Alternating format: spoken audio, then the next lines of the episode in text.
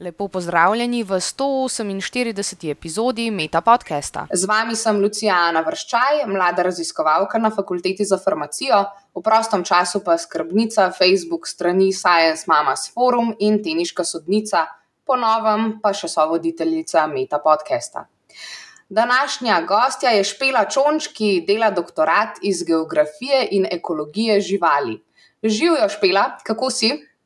Živijo, uh, dobro. Uh, najprej hvala za vabilo v podcast. Uh, me veseli, da, da imam to priložnost, da tudi jaz kaj povem, tako da sem super. No.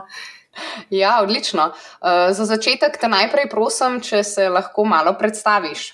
Ja, uh, no, moje ime je Špela uh, in pa sem mlada raziskovalka na Geografskem inštitutu Antona Melika na ZRC SAZU.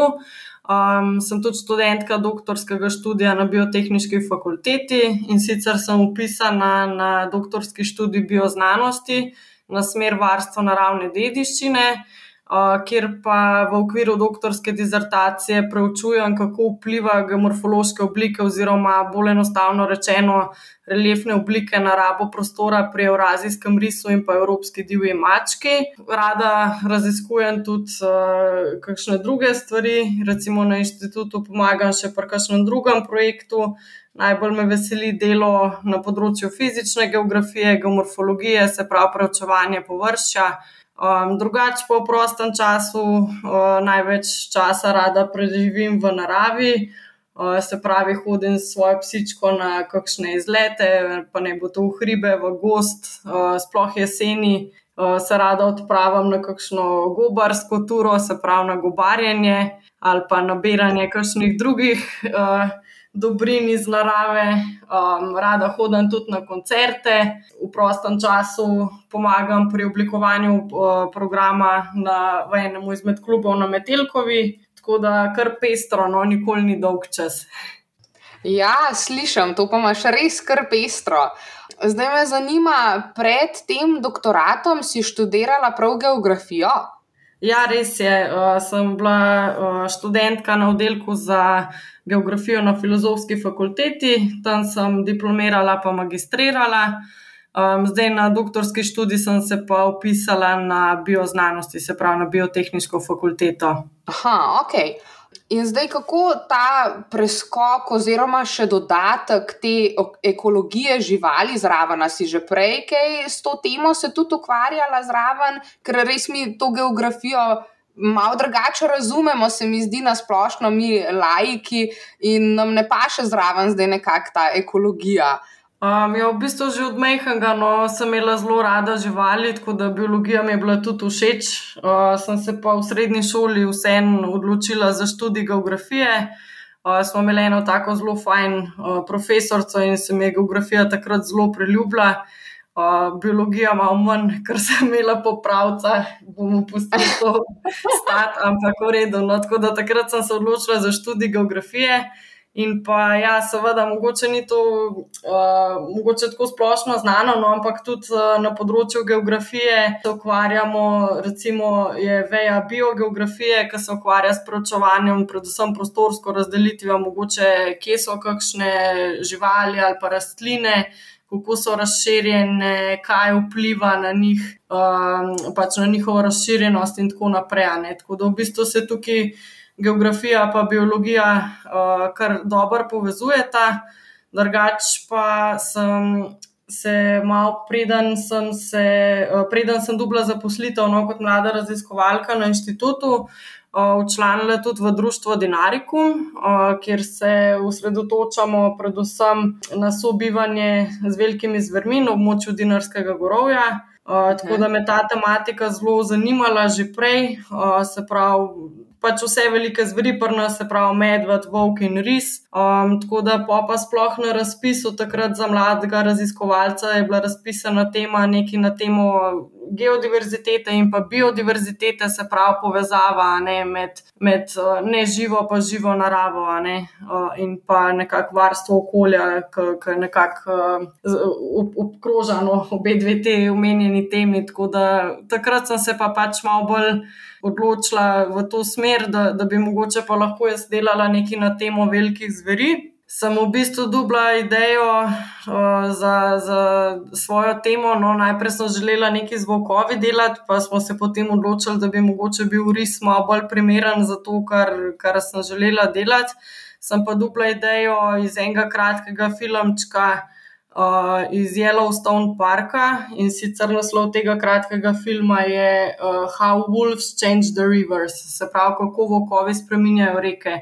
In v tem kratkem videu je predstavljeno, da um, so nekaj let potem, ko so v Yellowstone, potem, ko je bil volk iztrebljen, no, in so volka ponovno naselili v park. In uh, dejansko je prišlo do nekih trofičnih kaskad, kar pomeni, da pač volk je na vrhu prehranjevalne verige in je začel njegova prisotnost vplivala na to, kako se pač divjad, se pravi lenjat, pa srnjat, razporeja v prostoru.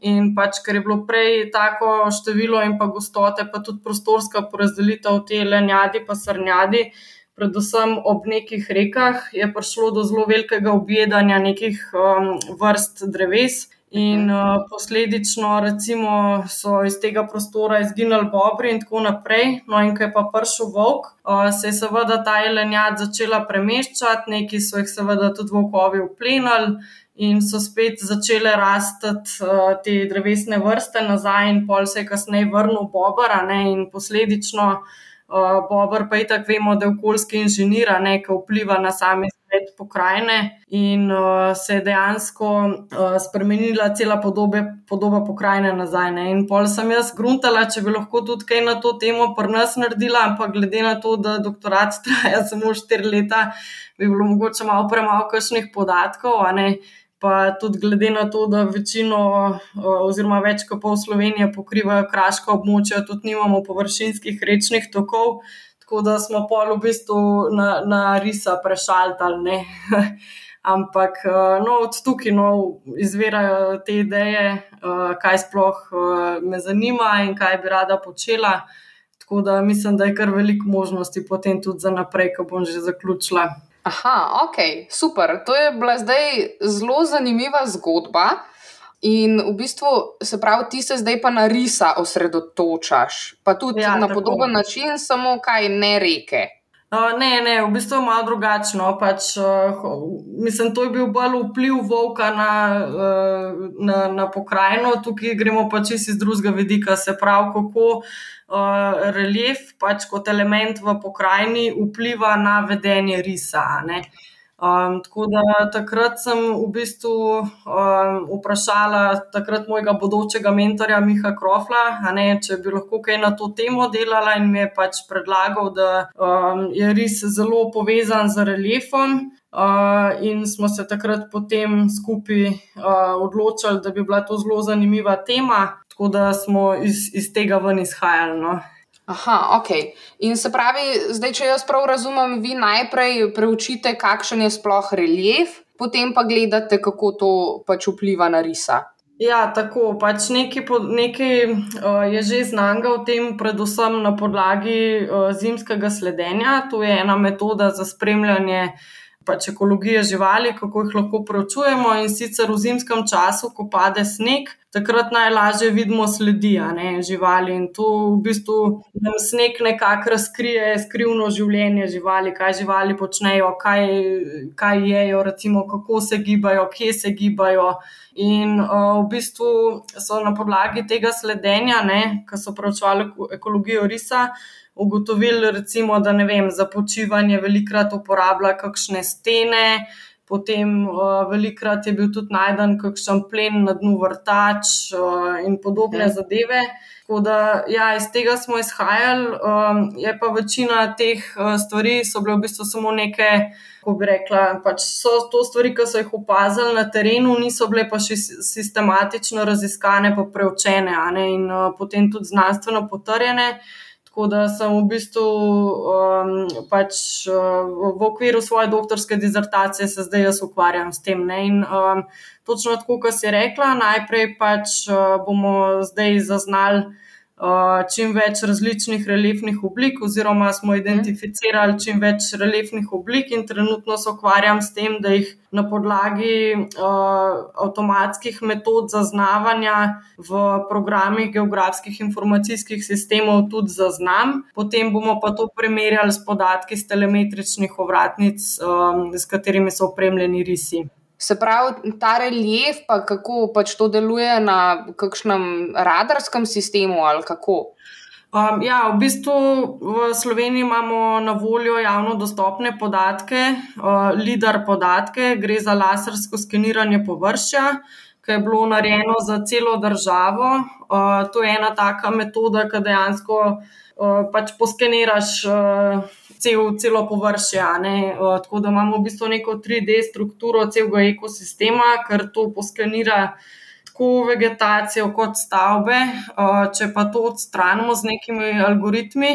Pa v bistvu pridemo do reliefa, ne do površja. Tako da na podlagi tega lahko naredimo, na podlagi teh podatkov se izdela potem digitalni model reliefa, ki so v bistvu nadmorske višine in pa prostorska ločljivost tega je meter krat meter, ne ene celice. Tako da v bistvu um, na podlagi tega potem lahko preučujemo relief. Potem pa s posebnimi metodami, no pač nekatere so že razvite, kakšne se še razvijajo, se lahko zazna um, pač neke identificirane reliefne oblike, ne recimo, kot so kraške kotanje, v mislih imam mhm. predvsem vrtače ali pa udornice potem lahko se zazna, oziroma se dobro vidi tudi. Recimo rečne doline, erozijske jarke, pa kakšne vrhove, grebene, in tako naprej. Aha, super. Ker si omenila prej rise in da imajo te ovratnice, koliko pa imamo sploh mi risov v Sloveniji? Zdaj, čist točne številke ne vem. Je bilo pa februarja ali marca, mislim, da je šlo poročilo od projekta LifeLinks, ki se zmeri spremlja za lansko sezono. Se pravi, to je bilo za sezono potem 2020-2021. Mhm. Uh, mislim, da jih je malo pod 30, no. uh, pa, pa še nekaj mladičev, sam pri mladičih je pa zmeri tako, da da se ne ve, koliko jih preživi, ne takrat od nekega legla. Je bilo zaznanih kar nekaj legal, ampak imajo zelo visoko smrtnost, tam do, do prvega leta jih 50% pogine. Tako da se ta številka giba tam okrog 30, pa to je vključno s temi risi, ki so bili v okviru projekta Lifelinks preseljeni iz Slovaške ali pa Romunije, se pravi iz Karpatov kjer je zdrava populacija risov, a ne pri nas je pa predvsem problem tega parjenja v sorodstvu in pa pač posledično prihaja do dost um, nekih uh, komplikacij, no, ki so posledica tega parjenja. Um, mislim, se mi zdi na splošno tako zelo uh, zanimiva tema. Kaj recimo bi rekla, da so bili taki največji izzivi pri tvojem delu? Ja, kar nekaj še imam, no, izzivov, pač nismo še čisto zaključili, no, smo pa uspeli recimo en članek že objaviti. Največji izziv je mogoče to, da, da so to dejansko podatki skoraj za pol Slovenije, ne? ker uh, pač delam, uh, oziroma moje območje preučevanja je celotno dinarsko gorovje v Sloveniji, uh, tako da to je kar, kako bi rekla, ena tretjina recimo Slovenije, tako da gre za ogromno količino podatkov pač to je treba pa vse analizirati, procesirati, ne? tako da v bistvu te analize kar dolg časa vzamejo. Je pa to hkrati tudi ena prednost, ker se je prej to vse počelo peš na terenu, je bilo časovno potratno, ekonomsko potratno in tako naprej. In zdaj so pač res te metode tako napredovale, da lahko um, pač to z računalnikom delamo, s temi uh, specifičnimi programi, z geografskimi informacijskimi sistemi. Um, vseeno je pa pač zmeri fajn iti na teren, preveriti, ali metoda pravilno deluje ali ne, ne. Tako da v bistvu me še kar čaka enega dela. Uh, zdaj smo za te vrtače objavili članek. Uh, pa v bistvu smo takrat naredili samo na enem testnem območju, da vidimo, če to res deluje. Bo pa še za, za celo to dinarsko območje no, prišlo. Kaj pa recimo ste že ugotovili, če ste kaj takega ugotovili, ne vem, kako se zdaj risi kaj obnašajo ali karkoli? Ja, mislim, eh, lahko povem na podlagi tega članka, no smo ugotovili, da je kar visok delež plenov v vrtačah ali pa v njihovi neposrednji bližini, gre kar za 50 odstotkov. Um, kar bi pa lahko dejansko povezali s tem, da plen, uh, se pravi, pri nas res največkrat pleni srnjat, uh, predstavlja približno 80 odstotkov prehrane uh, srnjat uh, in da pač ne, ne uspe razviti um, plen neke maksimalne hitrosti na tako razgibanem vrtačastem območju, ker tam gostota vrtače lahko tudi ne vem, čez 50 vrtač na kvadratni kilometr. Enostavno srnjat ne uspe razviti te maksimalne hitrosti, res pa pač izkoristi to svojo agilnost in um, v vrtači oziroma v neki depresiji plen lahko lažje naskoči. Um, potem, uh, ne na zadnje, pa v bistvu tudi sami robovi vrtača ne, in pa tudi ostalih kraških kotanj rise omogočajo dober pregled nad območjem. In pogosto so tudi vem, v vrtačah ali pa na robovih vrtač, uh, kakšne skale, večje skale, uh, tako da to tudi omogoča, da se ris bolj tiho plenu približa, da ga ne splaši in ga pač potem lahko lažje naskoči ne, in upleni. Uh, smo pa ugotovili tudi, da so tudi pogosto v bližini večjih odornic uh, in sicer v teh odornicah se nahajajo tudi neke večje stene, ki so pa habitat gamsa. Občasno se tudi pač gams znajde na risovem medilniku, ne, tako da dejansko so. Nekako navezani, povezani s temi kraškimi uh, vrtač, uh, depresijami, kot so pač vrtače, odornice in podobne oblike. Um, drugače pa ne vem, na podlagi terenskega dela, no zdaj v bistvu uh, to je zdaj naslednji korak, s katerim se ukvarjam. Uh, na, na podlagi terenskega sledenja, zimskega sledenja, uh, se je že opazila, recimo, neka uh, navezava risa tudi na jame. Um, zdaj to bo malo težje pokazati, uh, zaradi tega, ker v jamah, pa v nekih skalnih razpokah, uh, pogosto hibernirajo polhi. Tako da se v bistvu sklepa, uh, ker polh predstavlja približno 7 odstotkov prehrane pri nas, uh, oziroma pri risu, in to je neka taka posebnost na dinarskem območju. Um, pač, da, da, da je tako visok delež polha v prehrani. In to je sploh pomembno za mlade rise pri osamosvajanju. Uh, ampak um, to se zelo težko zazna uh, s telemetričnimi vratnicami, ker gre dejansko tako, kot bi rekel, za en tak hiter snek, parisu, pa še neka malca, ne sledica. Ker dejansko takrat, ko plenijo uh, pač neko srno, jelena, recimo, uh, takrat na, se hranijo z enim kosom uh, srnjadi no, ali pa jelenjadi, približno 3 do 4 dni.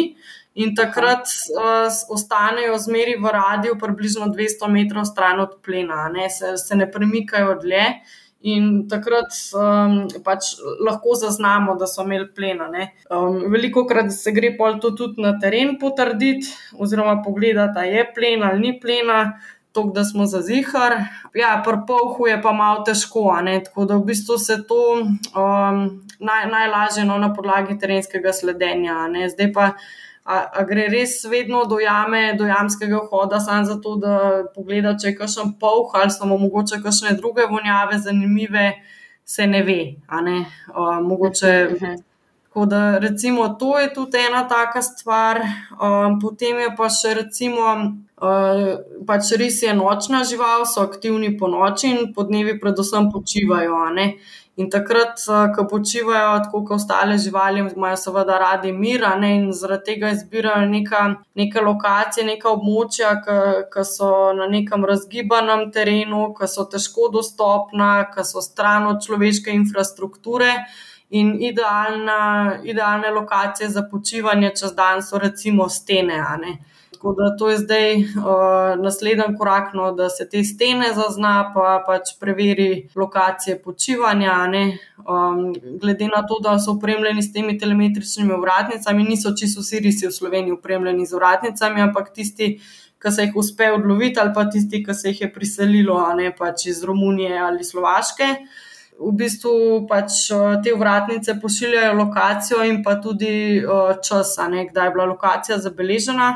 In uh, se v bistvu tako pač po metodi opredeli, da oni počivajo, se pravi, tri ure pred poldnevom, pa tri ure po poldnevu. Tako da v bistvu v tem časovnem okviru potem se smatra za lokacijo um, za vedenje, da počiva.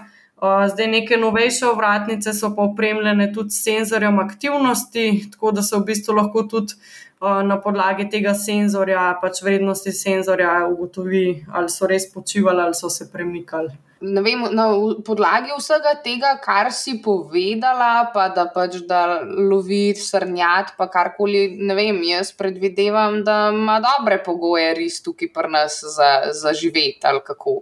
Mm, pa ja, še krno, v bistvu mislim, glavni dejavnik, um, pač, da, da je res prisoten na nekem območju, je sklenjena gozdna površina. Ne? Pač, uh, ne vem, razna, mislim, ta gozdni prostor se drobi, ne? Ne vem, z gradnjo avtocest, uh, drugih cest, nekih lokalnih cest, magistralnih cest in tako naprej. Eh, ali pa ne vem, železnica in tako naprej. In, um, na, na tem zahodnem delu, zahodno od avtoceste Ljubljana Koper, je, je število risov zelo mehko. In uh, tudi te, ki so, so na vratnicah, recimo.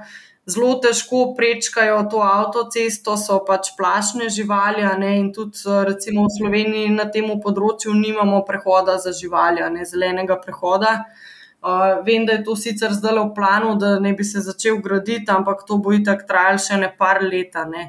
In Seveda. v bistvu je pa res ključno, sploh zdaj, ko se je v, v, v okviru projekta Lifelinks uh, naselili tudi pet risov v alpski prostor, ne, da, da bi se ta most, zeleni prehod zgradil čim prej, ne, da bi se lahko. Uh, prihajalo pač do, do prehajanja živali, ne, da bi se tudi malo ta uh, genska pestrost ne, uh, lahko izboljšala, uh, da pač bi se posledično pač tisti risti, ki bi šli tudi na zahodno od avtoceste, no, da bi lahko pač imeli mladiča ne, in se parali z drugimi. In pa cilj je v bistvu, da se poveže ne to dinarsko populacijo z alpsko populacijo, ki je v Švici, Italiji in tako naprej. Tako da mislim na splošno, pa kar je meni znano, no, nimajo toliko problema, da bi jim primankovalo plena. Ne, Ali se spomniš kakšne zabavne ali zanimive anekdote povezane s svojim mentorjem, ali pa morda kakšne nenavadne, smešne anekdote, ki se je zgodila tekom tvojega raziskovalnega dela v sklopu doktorata? Je kar nekaj teh stvari, no, mogoče bi izpostavila pač naj, najboljše, valjda po zimi, ki se gre na zimsko sledenje. Mhm. Uh, meni je to še sploh pomembno, ne zaradi tega, ker pač sem bila prej na geografiji in da res uh, dobim nek dober pogled, ne, kako, kako se žival premika v prostoru in kaj počne. No, in um, v, v to vse skupaj spada tudi to, kar se dela pač vsakeč. Tudi, um, genetske analize, in uh, seveda pač posledično je treba kakce pobirati ali pa urin od živali. Ne bi rekla, da je to ena taka. Ekologija, pa drekologija skupaj, no, če se malo pošalim. Uh, no, ampak ne, to je res uh, ključnega pomena. Ne. Sploh recimo v okviru tega priseljevanja risov, pač uh, je treba, pač se, se lahko no, iz teh iztrebkov pridobi vzorce DNK, in uh, se vidi potem v laboratoriju, ne, kako, kako gre populacija in tako naprej. Drugač pa ne manjka tudi kakšnih srečanj z medvedi, uh, pač čisto, še, ni te, še ni bilo terena, no, da ne bi vse stopin v snegu videla. Uh, sem ga tudi videla, že, tako da je kar adrenalinsko, no, kar se tega tiče. Sigurno, ja. je. Tudi, uh, recimo, sem imela uh, to uh, čas, da sem tudi uživo srečala risa kar je tudi redkost, sploh če pač, pomislimo na to, da jih imamo manj kot 30 prnasa. In sem imela res to srečo, da smo s kolegico, ki so sledile, videle risa. Tako da to je bilo res edinstveno doživetje. Pa, pa ne vem, sploh v času COVID-a, no, lockdowna, bom pa rekel, da je tudi to prednost ne, um, terenskega dela, da smo lahko šli ven iz občine. um, tudi, uh, ne vem, ko so bili v Ljubljani, no še, še zaprti lokali, smo šli lahko kam drugam na kakšno poterensko pivo, bom tako rekla. Kako so se od upisa do danes spremenila tvoja pričakovanja glede doktorskega študija in ali bi se ponovno odločila za doktorski študij? Um, ja, glede na to, da sem v bistvu prej pač upisana na geografijo ne, in da sem se pač zdaj upisala na biotehniško fakulteto, mi je v bistvu to kar super, zaradi tega, ker imam priložnost, da pridobim še pač nekaj znanja z področja biologije, ekologije in pa tudi, da vidim, kako razmišljajo ne, in profesori zaposleni na biotehnički fakulteti. Tako da, če bi me še enkrat zdaj vprašali, pač bi se še enkrat upisala.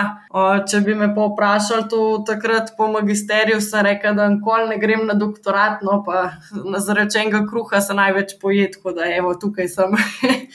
kaj boš počela čez pet let in kaj čez 40 let? Ja, to je eno tako težko vprašanje. Um, ja, nač, čez pet let upam, da nekaj podobnega, kot zdaj počnemo. Uh, pač želela bi si ostati uh, zaposlena na Geografskem inštitutu, uh, pač nadaljevati raziskave z področja biogeografije in pa pač sodelovati na kakšnih podobnih projektih. Um, mislim, predvsem pri tem, no, kar me zanima, se pravi z področja fizične geografije zdaj pa čez 40 let, čak da zračunam.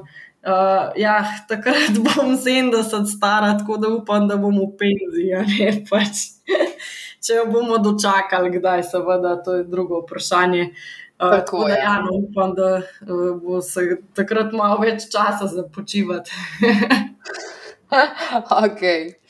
Eh, bi drugim doktorskim študentom predlagala kakšno tehniko za upravljanje s časom ali pa morda računalniški program, ki ti olajša delo in ti prihrani čas? Oh, uh, to je tako kar kompleksno vprašanje. Uh, ne vem, recimo sama pri sebi sem mislila, da je tako recimo štiri leta res velika. Ne? In uh, hmm. pol enkrat dojamaš, da čas kar beži.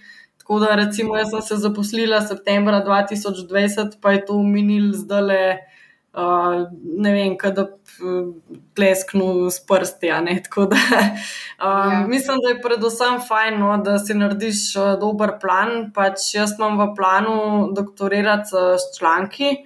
Um, pač to je tudi ena opcija za doktorat, da, da ni treba pisati unga špeha, monografije, no, kako koli in smo uh, z mentorjem, pa so mentorci naredili, se mi zdi, da je zelo dober plan, tako da dejansko vem, kaj moram narediti, pa tudi približno v kakšnem časovnem okviru. Še, še vsem se je treba zavedati, da tudi to pisanje člankov in pa pač potem sam proces, ne, da pride do objave, tudi traja nekaj časa. Ne. Um, tako da mislim, mislim da, da je predvsem to pomembno, da si človek naredi dober plan. No, bom tako rekla. To nasplošno, tako kot ne vem, bi se ga bilo fajn narediti, če sam tako brez za doktorat pišeš članek, da si narediš nek plan, ali pa ne vem, kako ima projekt, neko časovnico, ne, da si tudi vsak sam pri sebi uh, malo splanira, kaj in kako. Priporočilo za knjigo, igro, film, spletno stran, podcast. Uh, to, to je pa eno tudi težjih vprašanj za me, zaradi tega, ker imam zmer, uh, pač zanima me ful stvari, ne samo narava, ampak tudi vem, uh, politika, mogoče malo bolj bom tako rekla, no, ali pa kontrapolitika, mogoče. Tako da imam cel kup nekih knjig, pa filmov, ki so mi zelo všeč, uh, najraje imam pa kakšne dokumentarne filme. Ne? Tako da v bistvu neki dokumentarni filmi na, na temo naravovarstva ali pa okoljevarstva. Tako da v bistvu, če bi uh, mogla izpostaviti kakšnega, bi se odločila za film od Balkan River Defense, ki sem ga gledala kako dober teden nazaj, ki je bila premjera v Kinu Šiška in sicer uh, ta, nov dokumentarni film z naslovom Ena za reko, zgodba o Savi. Pač ta film je res naredil velik vtis na me. No. Predvsem zato, ker uh, prikažejo Savo v nekakšni uh, drugi luči. Mislim, da nam je večina stvari. Ukrog nas, kar samo umevnih, pač mogoče večina dojema, da je okay, le neka reka, eh, ki pač teče mimo, ali pa ne vem, ja, res je samo umeven v gozdu, ampak imajo te stvari veliko večji pomen. In um, tudi pač pomen te save, pa vloga save, no pač neke reke tako velike v prostoru, pač je izjemna. Ne? In se mi tudi zdi fajn, da se pač ni tiho, ne da se izpostavlja v kakšnih takih dokumentarnih filmih, predvsem kako človek spremenja in pa izkorišča naravo, ne, brez nekega tehnega premisleka. Ne. Pač vse gre samo na, na igranje žoge, da, da to rabimo, ne. Pač ne naredi se pa dost nekega premisleka, kakšne vplive bo to imelo za celoten ekosistem. Ne. Sploh pa dan danes, pač, ko imamo toliko znanja. Pa nekih podatkov, pač mislim, da to ne bi smeli biti več izgovori. Tako da res toplo priporočam ogled tega dokumentarnega filma. Hvala za ta res zanimiv pogovor o živalih in geografiji, in srečno z doktoratom. Ja, najlepša hvala še enkrat za vabilo, tako da upam, da bo tudi poslušalcem no, zanimivo. Poslušali ste Meta podcast, podcast, v katerem se pogovarjamo z mladimi znanstveniki in znanstvenicami iz različnih področji znanosti. Podcast domuje na spletišču metina.lista.si, kjer najdete tudi druge zanimive znanstvene vsebine. Naše delo lahko podprete z donacijo Metini listi. Pohvale, pripombe in predloge lahko posredujete po e-mailu znanost.afnametina.si. Dobrodošli so tudi komentarji na Facebook profilu Metine liste in na Twitterju @metina.lista, kjer uporabite hashtag metapodcast. Se slišimo čez 14 dni.